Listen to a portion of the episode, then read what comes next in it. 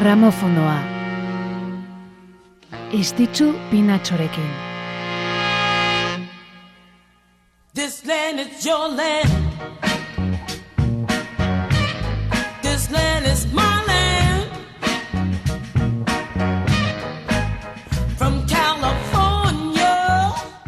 Goizeko bederatzi terdiak jota, egunon musikazale naiz irratian gramofonoa gaurkoan ere bazter guzietako eta garai guzietako musikarekin heldu gara. Amarrak arte egonen gara zuek alde batean gubertzian eta irratia tarteko. Irratia bai orain zuzenian aditzen ari bazarere irratitik ariko zaretelako saioa aditzen, Bino gogoratu, bertze behin ere erranen dut, gaur egun teknologia berriek ematen dizkiguten erraztasunei esker, edo zein momentotan jarraitzen alduzuela gramofonoa podcast formatuan. Eta behin hause erranta asteko moduan gaude, gaur saioari hasiera emanez letra larriz idatzi beharko genuken izen haundi hoietako batekin. Mila bederatzeron da larogeita iruko apirilaren hogeita marran zendu zelako Muddy Waters. Blind Men Blues, gizon itxuaren bluesarekin irekiko dugu gaurko gramofonoa Muddy Waters gogoratzeko. All day long I hold my cup when someone come along so they can fill it up. I got the blind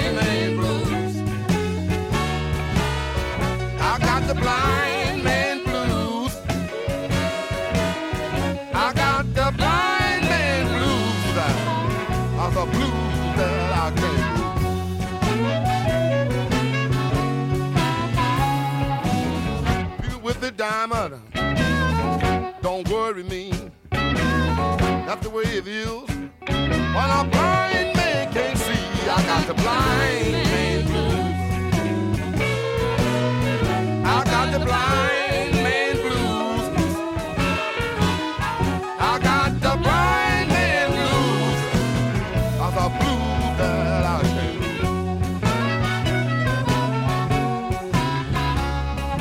can. Some people speak. Some pass me by. Make me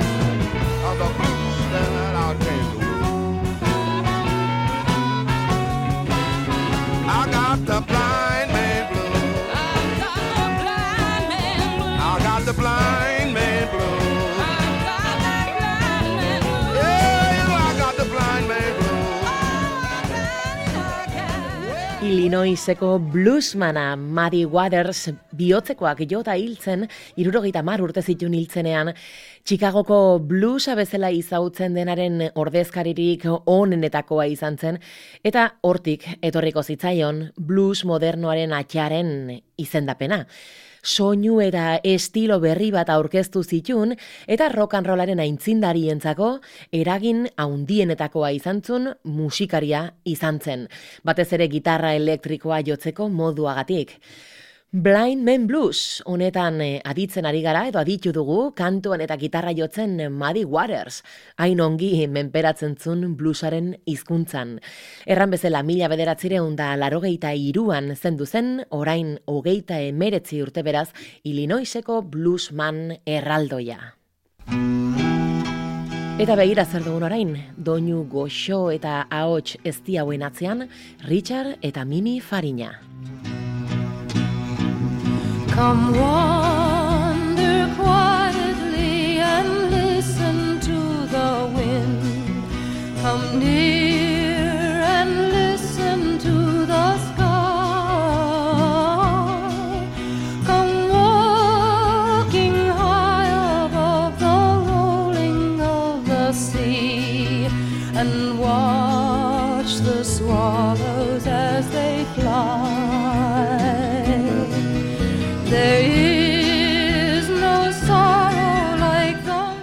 Swallow Song, enara kanta bat, alaxe du izena kantu honek, eta aditzen ditugunak Richard eta Mimi Farina. Bino, joan gaitezken, joan gaitezen zatika, alde batetik Richard Farina, New Yorkeko folk kantari, komposatzaile, poeta eta novelista. Mila bederatzeron da irurogeita iruan, Mimi Baez ezagutu eta arekin ezkondu zena urte baten buruan. Mimi Baez, Joan Baezen aizpa. Hau ere folk kantaria, Joan Baez baino lau urte gazteagoa, eta aizparen bidea jarraituzuna, Joan Baezek kantatutako klub eta jaialdietan aritu baitzen baitare Mimi aizpa. Ondotik erran bezala Richard Farinarekin ezkondu zen eta elkarrekin pare bat disko interesgarri grabatu zituzten, bino gaurko egunez, mila bederatzeron da irurogeita seian, mimik hogeita bat urte bete behartzitun egunian justuki, Richard Senarrak moto istripua izan eta hil egintzen hogeita bedetzi urte zitula. Honen guzilaren ondotik, irurogeita amargarren amarkadan mimik kontzertuak ematen eta diskoa grabatzen segitu bazun ere, bere indarra bertze arlo batera bideratuzun aktivista sutsua izan zen eta Bread and Roses izeneko elkartea sortuzun, ospitaletan, harrera etxetan eta kartzeletan kontzertuak antolatzeko. Eta etzazuela pentsa edonolako kontzertuak izan zirenik hauek. Bonnie Wright, Odeta, Pete Seeger edota Carlos Santana aritu zirelako bertzeak bertze elkartearentzako kontzertu hauek eskaintzen. Mimi Farina ere gazte hiltzen minbiziak eramantzun berrogeita amasei urte zitula. And will the swallows come again?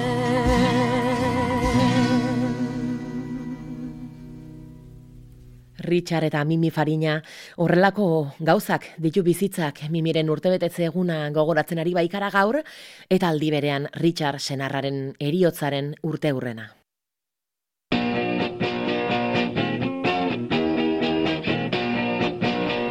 Eta guazen orain Britania hundira, Corner Shop.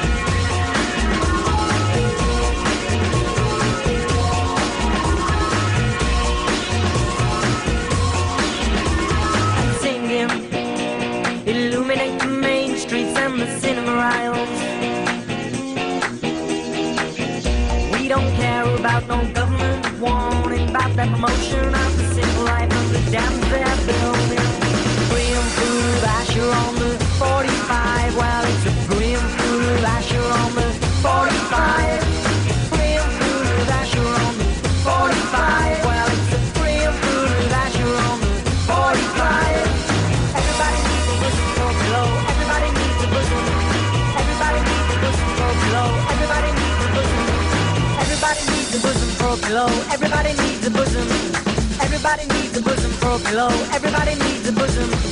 Everybody needs a bosom for below. Everybody needs a bosom. I'm on the 45. Corner Shop talde Britainiarra dago abesti honen atzean Ben Ayers taldeko kantariak berrogeita amalau urte betetzen ditulako gaur.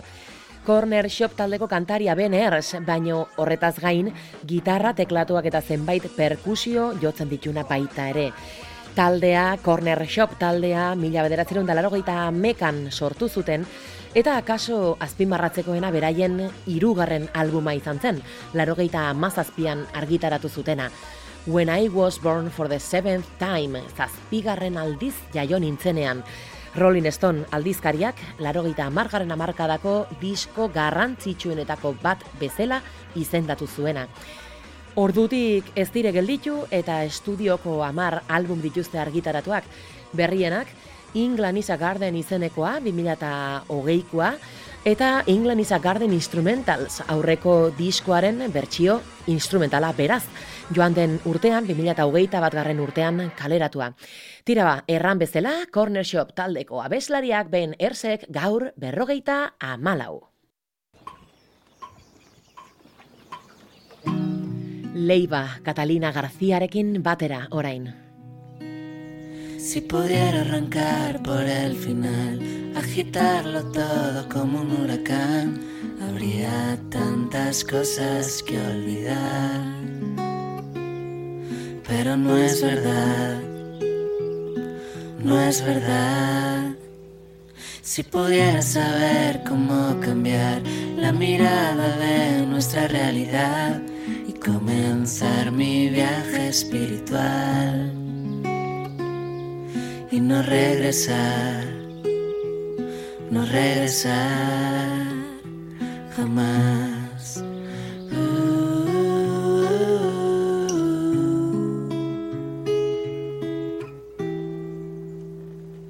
Una vez más, volando descalzos, poniendo cara al horizonte, midiendo todas las palabras. Te voy a explicar, ya no quiero más nada, tan solo necesito bosques y campos que me traigan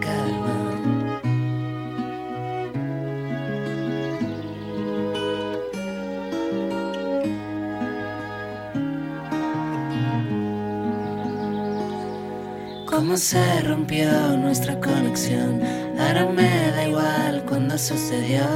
Seguimos esperando una señal. Sé que llegará, llegará. Mira dónde estamos tú y yo.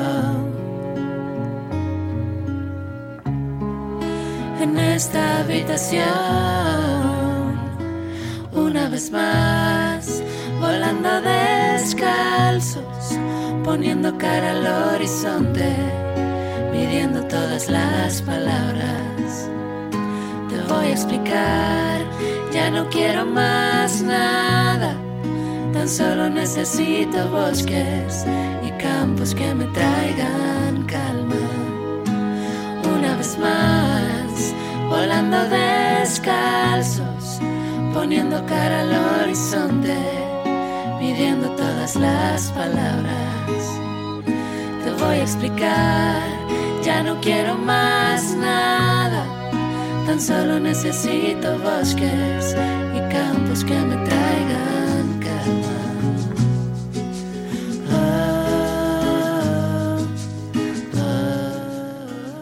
Leiva Pereza taldean azizen musikaria Madrilen jaio zen, mila bederatziron da laro geiko apirilaren hogeita marran. Perezarekin hainbat diskoren ondotik eta amabi urtetako ibilbidearen ondotik, Leibak bakarkako lehen diskoa argitaratuzun 2000 eta amabigarren urtean, diziembre izenekoa. Bi urteren buruan polbora izeneko bigarrena aletu zen, 2006an monstruos, emeretzean nuklear eta azkenik, iaz, cuando te muerdes el labio, poliki poliki geroz eta izen haundiagoa hartuz. Aditzen ari garen kantu hau legara da diskoa isten duen abestia Catalina García, Monsier Perine taldeko kantari kolombiarrarekin batera grabatu zuena. Ba horixe leibak gaur berrogeita bi urte.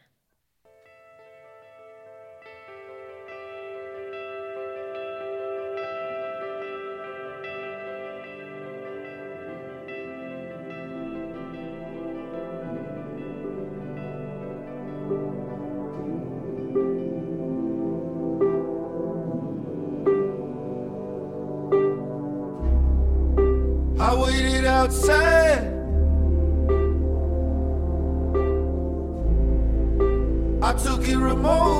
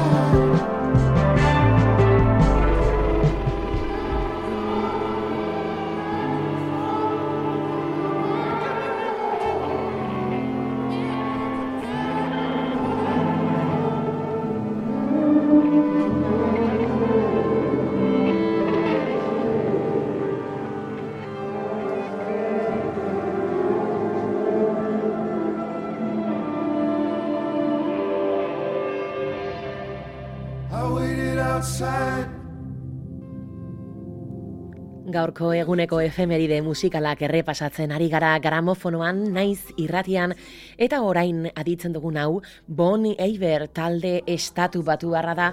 Kasu honetan ere taldeko kantaria eta liderra den Justin Vernonek urteak betetzen ditulako, berrogei urtetxo.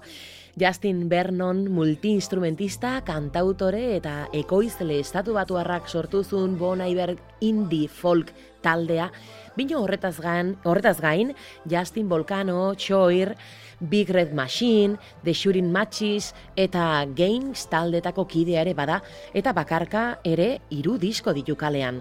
Hemen aditzen duguna Hey Ma izeneko kantua da Bon Iver taldearekin. Agitz banda interesgarria eta agitz tipo interesgarria Justin Vernon.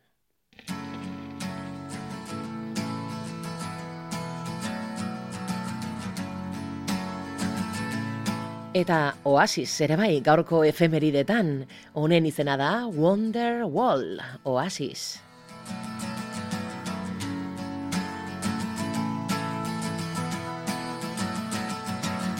Today is gonna be the day that they're gonna throw it back to you.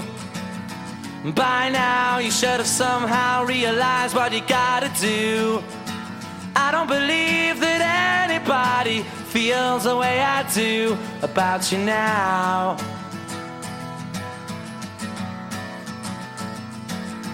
Backbeat, the word is on the street that the fire in your heart is out.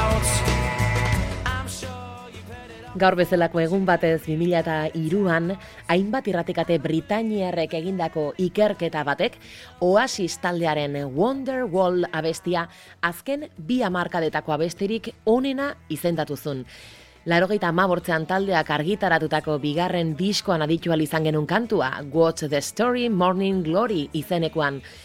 Album honetan, Roll With It, Don't Look Back in Anger edo Some Might Say bezalako arrakastak zeuden eta horrela lan pare batekin Noel eta Liam Gallagher anaiak pop rock britainiarraren historian sartu ziren. Oasisek sailkapen honetan bertzea besti mitiko batzuk gainditu zituen, ala nola The Berben Bittersweet Symphony edo Rem estatuatuaren Everybody Hearts edo ta taldearen ere serkia den Losing My Religion bezalako klasikoak Oasis.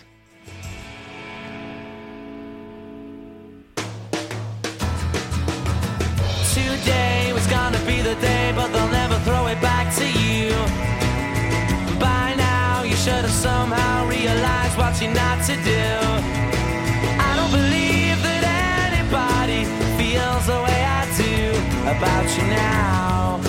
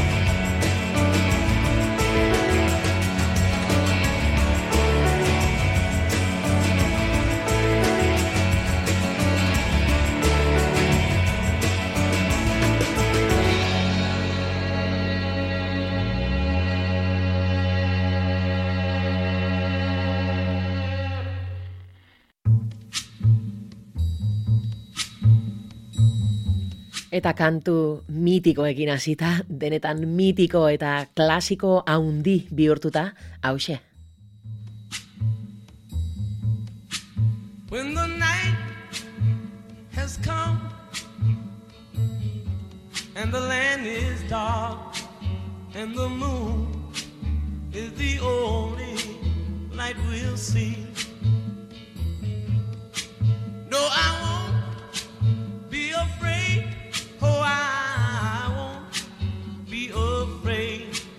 Just as long as you stand, stand by me.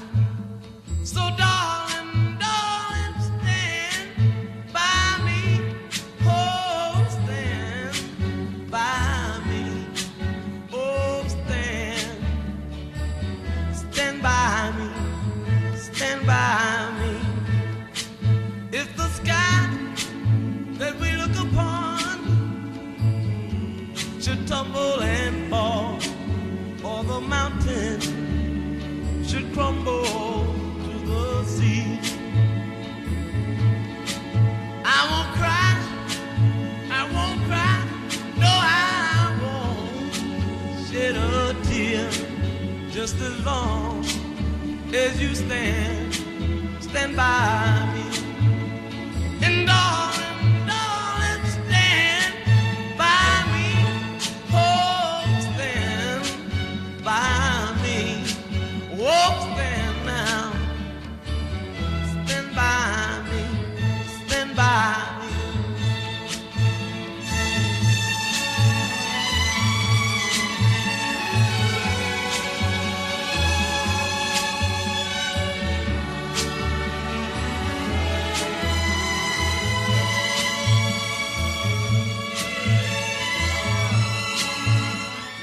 eta amabortzeko apirilaren hogeita marran zendu zen Ben E. King, Stand By Me, klasiko honen interpretea, kausa naturalengatik hiltzen irurogeita amasei urtekin. Bakarkako ibilbideari ekin bino lehen ordea Ben E. King Drifters taldean aritu zen, eta There Goes My Baby, edo Save the Last Dance for Me bezalako abesti arrakastatxuak grabatu zituzten, Bino mila bederatzeron da irurogeita batean izan zen, esten bai mi singela grabatuz, gailurra jo zuenean, benikinek sekulako oihartzuna lortuz. Erran bezala, orain amazazpi urte itzali zen, kantu honen atzean zegoen ahots eder hau.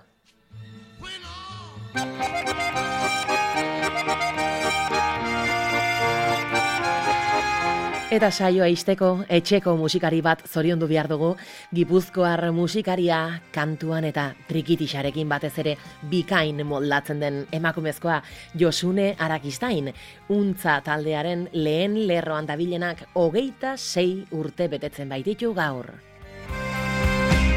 Bostaketa hogeita bat, bostaketa